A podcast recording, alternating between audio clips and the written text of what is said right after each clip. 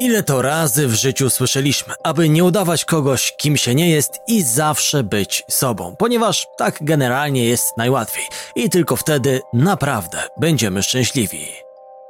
Z drugiej strony, natura ludzka chyba już taka jest, że często marzymy i chociaż na chwilę chcielibyśmy wejść w czyjąś rolę, choćby z czystej ciekawości.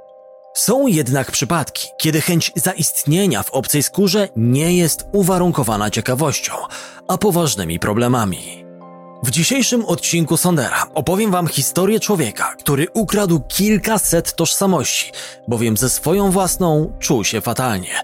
Czy jego zachowanie było moralne, czy też nie, ocenicie, drodzy słuchacze, sami. Frederic Bourdin, bo o nim właśnie mowa, to postać nietuzinkowa, na wskroś tajemnicza, inteligentna i niesamowicie interesująca. Powiedzieć o nim mistrz manipulacji to jak nie powiedzieć nic.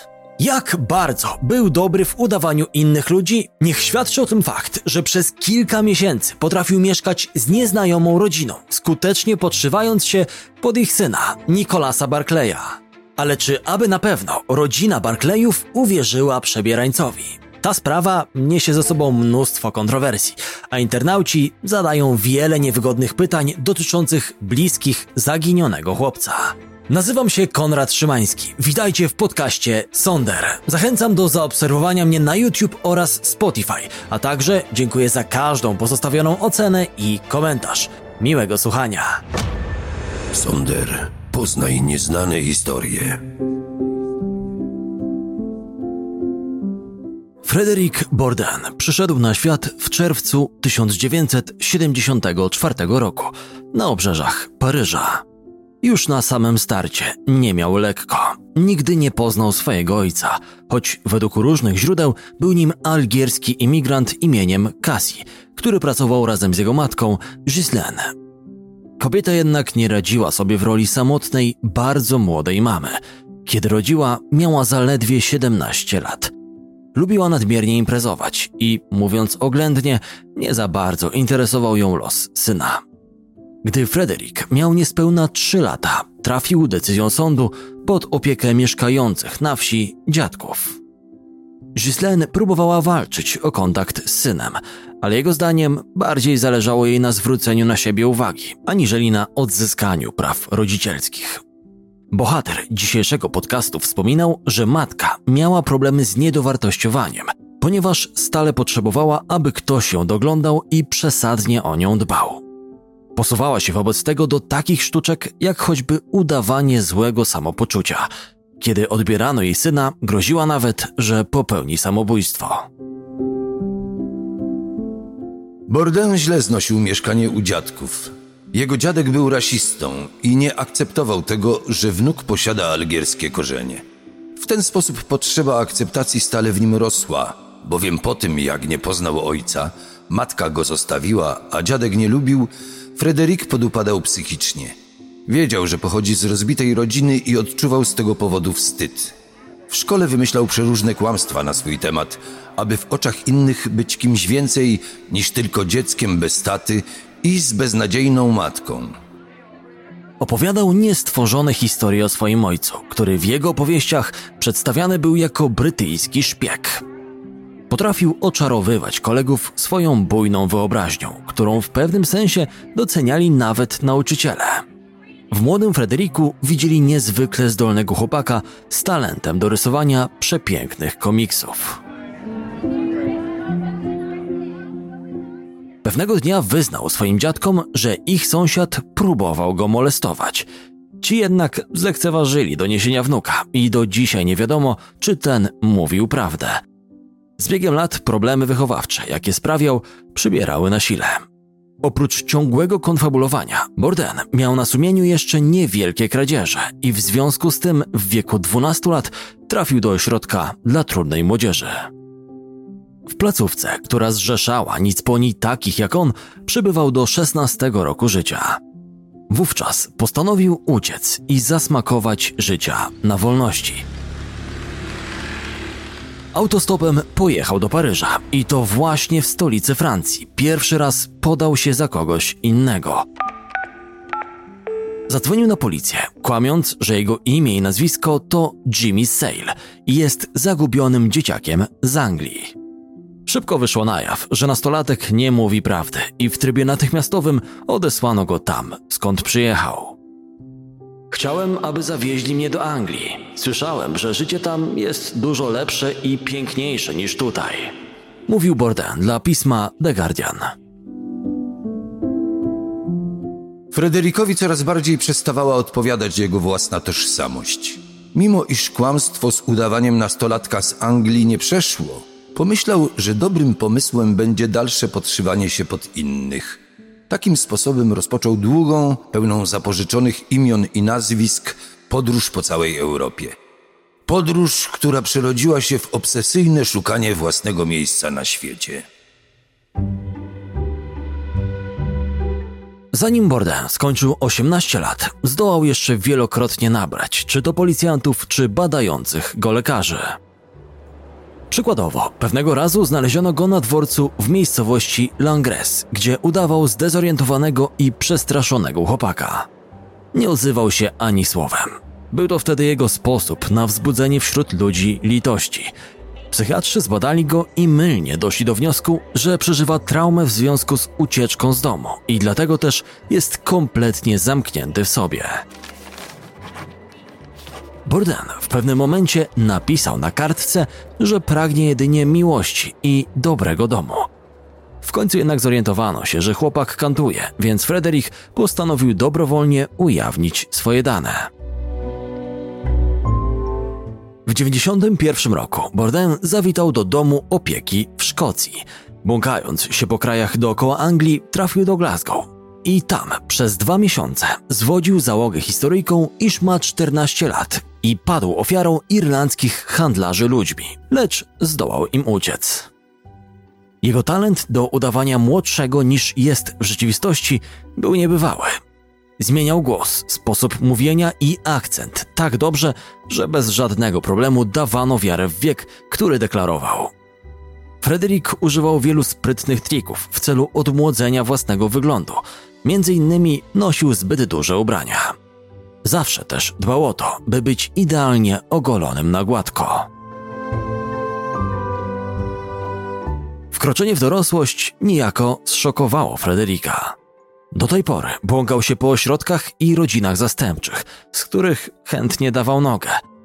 Perspektywa tego, że teraz nikt nawet nie będzie go szukać, wydawała mu się dziwnie obca. Nie miał pojęcia, co ze sobą zrobić, więc kontynuował to, co jak na razie wychodziło mu świetnie. Dalej wymyślał bądź zapożyczał imiona i nazwiska.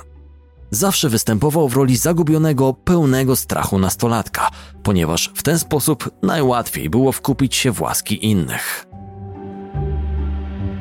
Całe życie przebywałem w ośrodkach dla młodzieży i rodzinach zastępczych, a nagle powiedziano mi, że jestem wolny i mogę sobie od tak po prostu iść. Jak mogłem być wolny, skoro nawet nie potrafiłem sobie tego wyobrazić? W 1993 roku w miejscowości Osz w południowej Francji tamtejsi strażacy napotkali na środku jezdni leżącego nastolatka. Bourdain stale wykorzystywał patent z permanentnym milczeniem, co miało tylko dodać wiarygodności przerażeniu, jakiemu towarzyszyło. Po przetransportowaniu go do szpitala wszyscy kupili jego wersję o zbłąkanym dziecku. Jednak gdy stamtąd uciekł jakiś czas później w tym samym rejonie powtórzył ten sam numer, policjanci byli na to przygotowani. Etatowy oszust i tym razem przyznał, jak ma naprawdę na imię i nazwisko. Właściwie zawsze wiedział, że prędzej czy później będzie musiał to zrobić. Dwa lata później, w 1995 roku, zyskał sporo sławy. Wszystko za sprawą programu emitowanego we francuskiej telewizji pod tytułem Wszystko jest możliwe. Frederick w tamtym czasie nie był już obojętny policji w całym kraju i nie tylko w kraju, bowiem jego oszustwa niosły się echem po zachodniej części kontynentu. Interesował się nim nawet Interpol. We wspomnianym programie przeprowadzono z nim luźną rozmowę, której głównym motywem była chęć poznania odpowiedzi na pytanie, dlaczego właściwie to robi. Tak jak wielokrotnie wcześniej, Borden twierdził, że pragnie jedynie zaznać prawdziwej miłości i być częścią szczęśliwej rodziny. Wśród widzów wzbudził sympatię i współczucie. Trudno bowiem było być złym na drobnego, wyglądającego na znacznie młodszego niż w rzeczywistości chłopaka, który mówi o poszukiwaniu szczęścia. Autorzy programu zaproponowali mu nawet pracę, jednak on wolał życie na ulicy i kolejne zmiany tożsamości. Dochodzimy w końcu do października 1997 roku.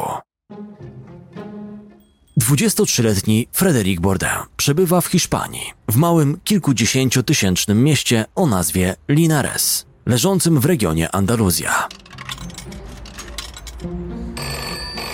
Z budki telefonicznej zadzwonił na policję i podając się za turystę, zgłosił, że znalazł zagubionego chłopaka, mającego na oko 14 lat. Przejętym głosem mówił, iż dziecko nie chciało przyjąć od niego jedzenia, jest bardzo wystraszone i nie posiada przy sobie żadnych dokumentów. Patrol, który przybył na miejsce, zobaczył skuloną postać w budce telefonicznej. Gdy mundurowi podeszli bliżej, zakapturzona postać dawała oznaki ogromnego strachu i nieufności. Policjanci przekonali mizernie wyglądającego chłopca w za dużych ubraniach, by pojechał wraz z nimi. Frederik i tym razem dopiął swego. Gra aktorska, którą prezentował, zasługiwała na najwyższe uznanie. Trafił do ośrodka dla młodzieży, w którym procedury były bardzo klarowne. Trzeba było udowodnić, że jest się tym, za kogo się podaje. W przeciwnym razie oddawano sprawę na policję. Na policji natomiast dobrze znano odciski palców Frederika i zapewne rozpoznano by go również na zdjęciach. Groziło mu więzienie. Przekonał więc personel ośrodka, że jest Amerykaninem i chciałby zadzwonić do swojej rodziny, ale musi to zrobić w nocy, ponieważ w USA panuje inna strefa czasowa. Jakimś sposobem namówił opiekunów, by ci udostępnili mu w nocy biuro z telefonem.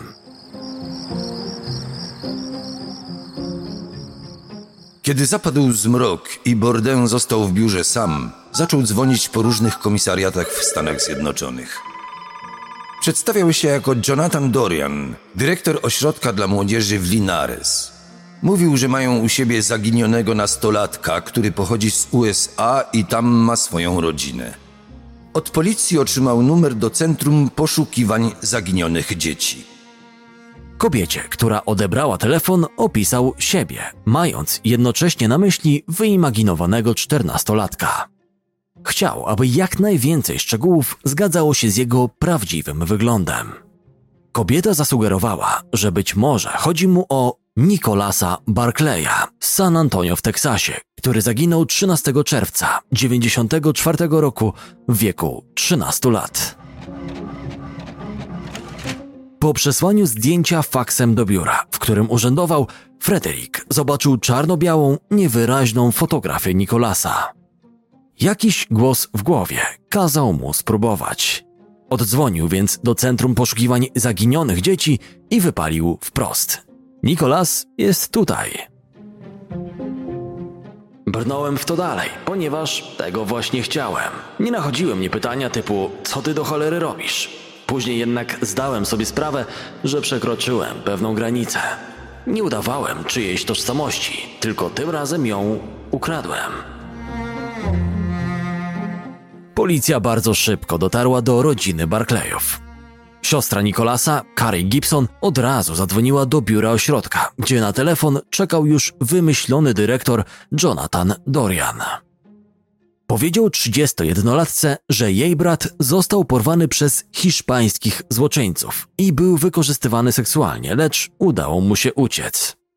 Kobieta chciała usłyszeć głos brata, ale Bourdain nie miał zamiaru go wówczas udawać, więc stwierdził tylko, że Nicolas jest zbyt wycofany, aby cokolwiek z siebie wydusić. Niewiele później do ośrodka w Linares trafiła koperta zaadresowana do Jonathana Doriana. Frederick zdołał wejść w jej posiadanie. Gdy zobaczył, że w środku znajduje się dobrej jakości zdjęcie Nikolasa, wpadł w panikę. Nikolas był blondynem o zupełnie innym kolorze oczu. Właściwie nie przypominał go w najmniejszym stopniu.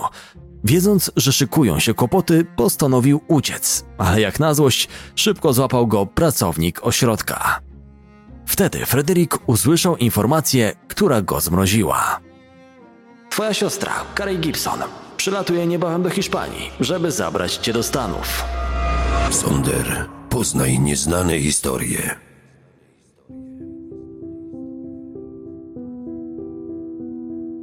Bourdain wiedział, że musi działać szybko.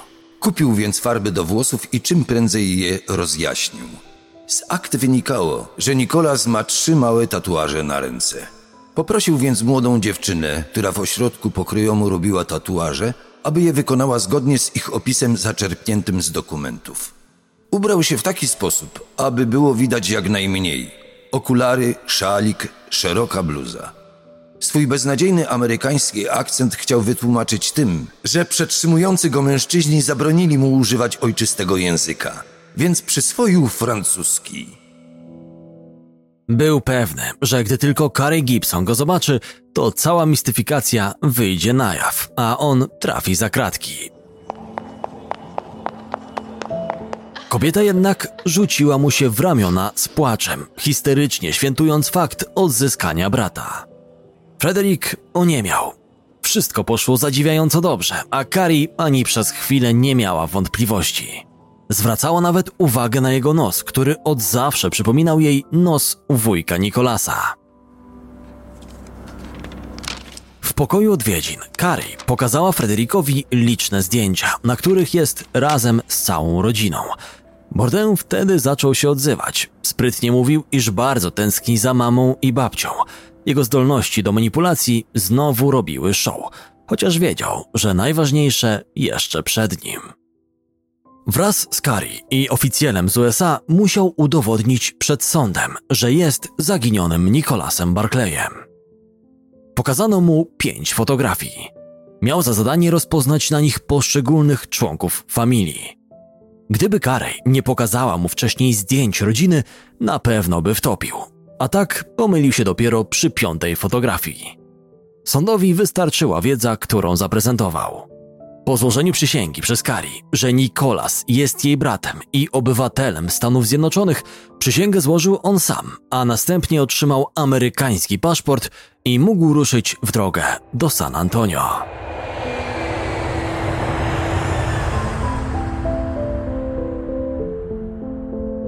Niemal 8,5 tysiąca kilometrów na zachód od Linares, rodzina Barclayów zgromadziła się, by przywitać znalezionego już wówczas 16-letniego Nikolasa, tak dobrze udawanego przez Frederika. To jego mama Beverly odebrała telefon o odnalezieniu ukochanego syna. Niedowierzająca, pełna szoku, skontaktowała się wówczas z Kari, jej córką z pierwszego małżeństwa, a ta załatwiła resztę. O Barclayach wiadomo tyle, że nie była to rodzina szczególnie poukładana.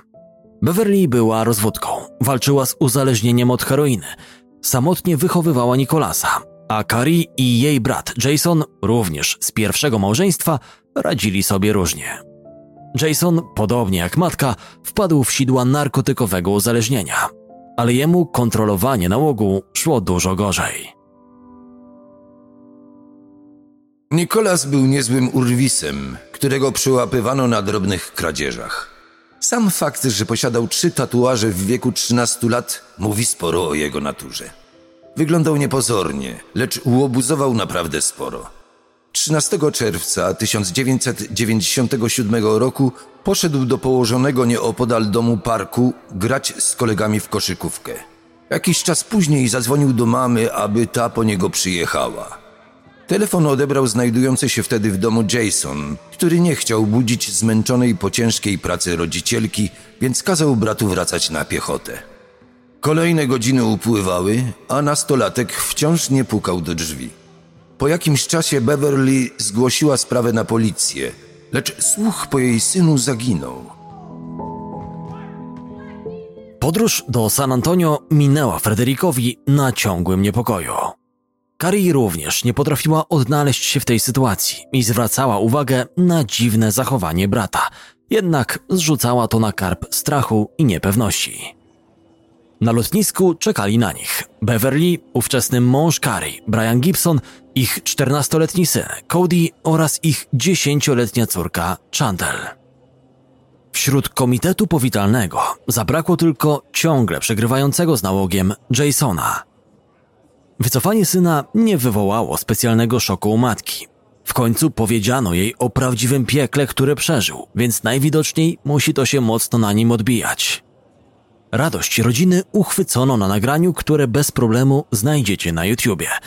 Wszyscy uśmiechali się i krążyli wokół szczupłego chłopaka w czapce i ciemnych okularach, który nie do końca wiedział, jak zareagować. Frederick po chwili nieco wyluzował i zaczął dostrzegać pozytywne aspekty swojego niewiarygodnego posunięcia. Miałem rodzinę i coś więcej. To przekraczało moje najśmielsze marzenia. Nie śmiałem marzyć nie tylko o miejscu, w którym będę kochany, ale nawet o rodzinie.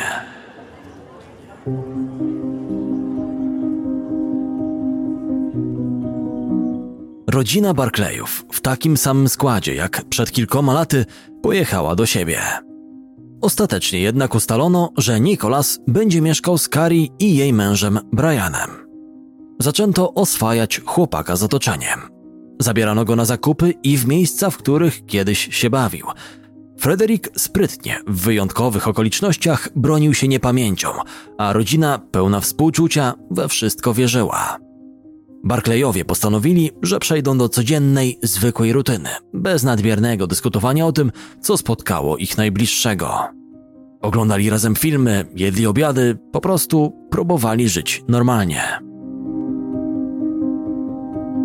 Ta sielanka nie trwała jednak długo. We wszystko wplątało się FBI, a konkretnie agentka Nancy Fisher, na co dzień zajmująca się podobnymi sprawami. Zdziwiło ją to, dlaczego rodzina nie szuka pomocy choćby w tym, aby ustalić, kto skrzywdził Nikolasa. Postawa Barclayów mogła wzbudzać pewne podejrzenia. Fisher postanowiła przesłuchać chłopaka i już na samym starcie pomyślała, że bardzo trudno uwierzyć w jego wiek. Ponadto na twarzy miał wyraźne kropki czarnego zarostu, a przecież był blondynem. Fisher chciała, aby przesłuchiwany zdradził, jak znalazł się w niewoli i pomógł ustalić sprawców. Borden powiedział, że został porwany za ocean przez wysoko postawionych wojskowych, którzy zawieźli go do miejsca, gdzie przybywały też inne dzieci. Wyznał, że był bity i molestowany. Opowiadał, że przypalano mu ręce, łamano je kijem baseballowym i zmuszano do jedzenia insektów. Wyobraźnia oszusta działała na pełnych obrotach, więc poszedł o krok dalej. Porwacze zatem prowadzili na nim także eksperymenty, a jeden z nich polegał na wbiciu igły w oczy, aby zmienić ich kolor, co miało tłumaczyć tę rozbieżność względem Nikolasa. Agentka Fisher była w szoku. Tak dokładny opis mógł zostać opowiedziany albo przez ofiarę, albo przez doskonałego aktora. FBI jednak w końcu dało mu spokój. Tę bitwę wygrał.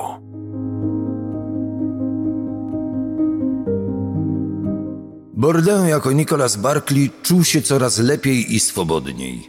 Chodził do liceum, odrabiał lekcje, grał na konsoli z mężem siostry i kolegami. Często mówił do mamy kocham cię i zaznaczał, jak dobrze mieć rodzinę. Pomimo iż czuł, że wszystkich oszukuje, jego szczęście było prawdziwe. Widział wiele podobieństw między sobą a Nikolasem. Obaj dorastali bez ojca, obaj mieli problemy z prawem, obaj ciągle dążyli do tego, by być bardziej zauważonym. Posiadałem obywatelstwo, w rodzinie widzieli we mnie Nikolasa, nikt nie prowadził wobec mnie żadnego dochodzenia, ani nikt mnie o nic nie podejrzewał. Cholera, byłem szczęśliwy. Naprawdę nie mogłem w to uwierzyć. Niezwykłym powrotem Nikolasa Barclaya do domu nie interesowały się rzecz jasna tylko różne służby, ale i osoby z szeroko pojętej branży show biznesu. Producent rozrywkowego programu Hard Copy, po usłyszeniu, co spotkało nastolatka z San Antonio, od razu zadzwonił do doświadczonego prywatnego detektywa Charlie'ego Parkera. Parker ochoczo przystał na propozycję producenta, aby przyjrzeć się odnalezionemu chłopcu i zorganizować z nim wywiad. Carrie Gibson wraz z mężem byli nastawieni mocno sceptycznie, kiedy detektyw razem z ekipą filmową przyjechał do ich przyczepy, w której mieszkali ze swoimi dziećmi i Nicolasem Well Frederikiem. Bourdain jednak wydał zgodę na wywiad, w którym ponownie bardzo dokładnie opowiadał, co go spotkało. Parker z boku przysłuchiwał się rozmowie, kiedy nagle coś go tknęło. Coś ewidentnie się nie zgadzało. Spojrzał na stare fotografie Nikolasa i na obecną wersję jego wizerunku, która udziela wywiadu. Zwrócił uwagę na różny kolor oczu, ale przede wszystkim na inny kształt uszu. Uczono go, że uszy w identyfikowaniu tożsamości są równie ważne co odciski palców. Uderzył go również dziwny akcent chłopaka. Parker jako pierwszy rozgryzł oszusta. Pozostało tylko udowodnić, że ma rację. Nancy Fisher z FBI na początku nie miała powodu, by wierzyć detektywowi. Przecież rodzina wyraźnie rozpoznała Nikolasa, a to było w tym wszystkim najważniejsze. Jednak gdy poszukiwania przestępców, którzy mieli porwać Barclaya, utknęły w martwym punkcie, a tak naprawdę nawet nie wystartowały, Fisher poleciała z Nicolasem do Houston, by tam zbadał go ekspert. Podczas badania psychiatra Bruce Perry momentalnie wychwycił wiele kłamstw. Kiedy chłopak mówił o porwaniu i torturach, w jego zachowaniu nie nastąpiły żadne fizjologiczne zmiany, takie jak poszerzenie źrenic czy przyspieszony puls. Oznaczało to brak jakichkolwiek emocji, co przy wydobywaniu traumatycznych przeżyć jest praktycznie niemożliwe. Psychiatra stwierdził też, iż wykluczone jest całkowite zniknięcie akcentu po zaledwie trzech latach. Po tym, co FBI usłyszało od doktora Perego, przychyliło się do ustaleń detektywa Parkera. Agentka Fisher poinformowała Carrie Gibson, że jej brat to tak naprawdę przebieraniec i być może niebezpieczny człowiek. Carrie zareagowała oczywiście wielkim zdumieniem i zgodziła się na prośbę Fisher, by nie przyjeżdżała po fałszywego brata na lotnisko. Ku zdumieniu agentki, Carrie nie dość, że zjawiła się na lotnisku, to jeszcze wpadła w ramiona Frederika, jak gdyby nigdy nic, i zabrała go do domu. Fisher zadzwoniła do przełożonych i dostała instrukcję, aby pozwolić podejrzanemu przynajmniej na jakiś czas wrócić z kobietą do domu. Sprawa zaczęła przypominać istne kuriozum, a detektyw Charlie Parker postanowił zgłębić ją do końca. Wreszcie trafiłem na coś mocnego. Facet ukradł tożsamość, a rodzina z niewiadomych powodów akceptowała to. Zakładałem, że może to być jakiś szpieg, który chce wysadzić się w bazie lotniczej lub coś w tym stylu. Mówił Parker. Detektyw Parker odbył szereg rozmów z sąsiadami Barclayów, którzy wspominali o licznych awanturach w ich domu. Policjanci regularnie odwiedzali Beverly, która najczęściej darła koty z własnym synem Jasonem. Przedmiotem sporów nierzadko bywał też Nicholas, bardzo zbuntowany i niegrzeczny nastolatek. W raportach policyjnych można przeczytać, że do wielu kłótni pomiędzy Beverly a synem doszło zaledwie miesiąc po zaginięciu Nicholasa. Jason ponoć wpadł w cuk narkotykowy dokładnie tuż po zniknięciu brata. Po jego odnalezieniu nie okazał najmniejszej oznaki radości. Nie przyjechał na lotnisko razem z resztą rodziny, bo był wtedy na odwyku. Gdy jednak już spotkał rzekomego brata, dalej zachowywał duży dystans, o czym wspominał Bourdain, który do momentu demaskacji przebywał w rodzinie Barclayów kilka miesięcy. Detektyw Parker zaczął podejrzewać rodzinę Barclayów. Według niego skrywali jakiś sekret i dlatego tak bardzo chcieli, aby Nicholas pozostał Nicholasem, a nie kimś, kto tylko go udaje. Podobne odczucia miała Nancy Fisher, która, jak sama przyznała, przestała postrzegać dziwną rodzinę jako ofiary. Gdy chciała przesłuchać Beverly i pobrać od niej próbkę DNA, by porównać ją z DNA wziętym od Frederika, ta stanowczo odmówiła. Dlaczego rodzina tak bardzo chciała zatrzymać oszusta w domu, skoro było już jasne, że nie jest to prawdziwy Nikolas? Frederick tylko na początku zachwycał się nowym życiem. Później do głosu zaczął dochodzić jego buntowniczy charakter. Przestał chodzić do szkoły, wychodził z domu, by szwendać się po nocach. Ukradł nawet samochód męża Kerry i został zatrzymany za przekroczenie prędkości. Udawanie odnalezionego w cudownych okolicznościach chłopaka przestało mu pasować. Nie tylko agentka Fisher i detektyw Parker zobaczyli, że Beverly i spółka chcą zachować coś w tajemnicy. Frederick był pewny, że podobnie jak on, oni także tworzą jeden wielki teatr. Kiedy Beverly nie chciała, by pobrano jej DNA, zacząłem kojarzyć fakty. Oni wiedzieli, że ja nie jestem Nikolasem. Od początku mi nie wierzyli. Umieli to jednak doskonale ukryć. Udawali tak samo jak ja, a może nawet lepiej. W Hiszpanii Carey tłumaczyła mi wszystko, jakby chciała, bym dobrze zapamiętał. Jeśli o mnie chodzi, to jestem pewny, że od początku wiedziała, że nie jestem tym, za kogo się podaje. Parker przejrzał policyjne kartoteki i natrafił na zadziwiający trop. Kilka miesięcy po zaginięciu Nikolasa, Jason zgłosił na policji, że widział zaginionego brata, który próbował włamać się do domu. Detektyw doszedł do wniosku, że Jason zmyślił tę historię, by wszyscy pomyśleli, że Nikolas żyje, a już na pewno, że żył, kiedy jeszcze widział go po raz ostatni. Opór, który stawiała zarówno Beverly, jak i Frederick, nie słabnął. Zarówno ona, jak i jej udawany syn nie chcieli współpracować z FBI, więc Nancy Fisher zdobyła nakaz. Gdy zbadano DNA chłopaka, a do policji w różnych zakątkach świata przesłano jego odciski palców, wynik mógł być tylko jeden. Mamy cię, poszukiwany przez Interpol 23-letni Frederico Bourdin. Oczom FBI ukazała się długa lista przewinień Francuza. Frederick Bird, Benjamin Dianson, Jimmy Manfred, Thomas Wilson, Marco Fernandez, Alex Ross, Benjamin Kent to tylko niektóre z imion i nazwisk, którymi po całej Europie Zachodniej przedstawiał się Bourdain. Wówczas już wszystko było jasne. I tym razem mężczyzna ukradł czyjąś tożsamość, tylko w tym wypadku zrobił to naprawdę z rozmachem. Bourdain był przekonany, że w rodzinie Barclayów panuje zmowa milczenia. Po aresztowaniu wyjawił policji, że któregoś dnia Beverly zwierzyła mu się, mówiąc, że to Jason zabił swojego brata Nikolasa. Zauważył, że Beverly nie traktowała go jak syna, tylko raczej jak ducha. Totalnie obojętnie. Wyznał, iż pewnego razu krzyczała do niego pijana, że Bóg ją ukarał, wysyłając go do niej. Kim k***a jesteś? Miała krzyczeć w jego kierunku.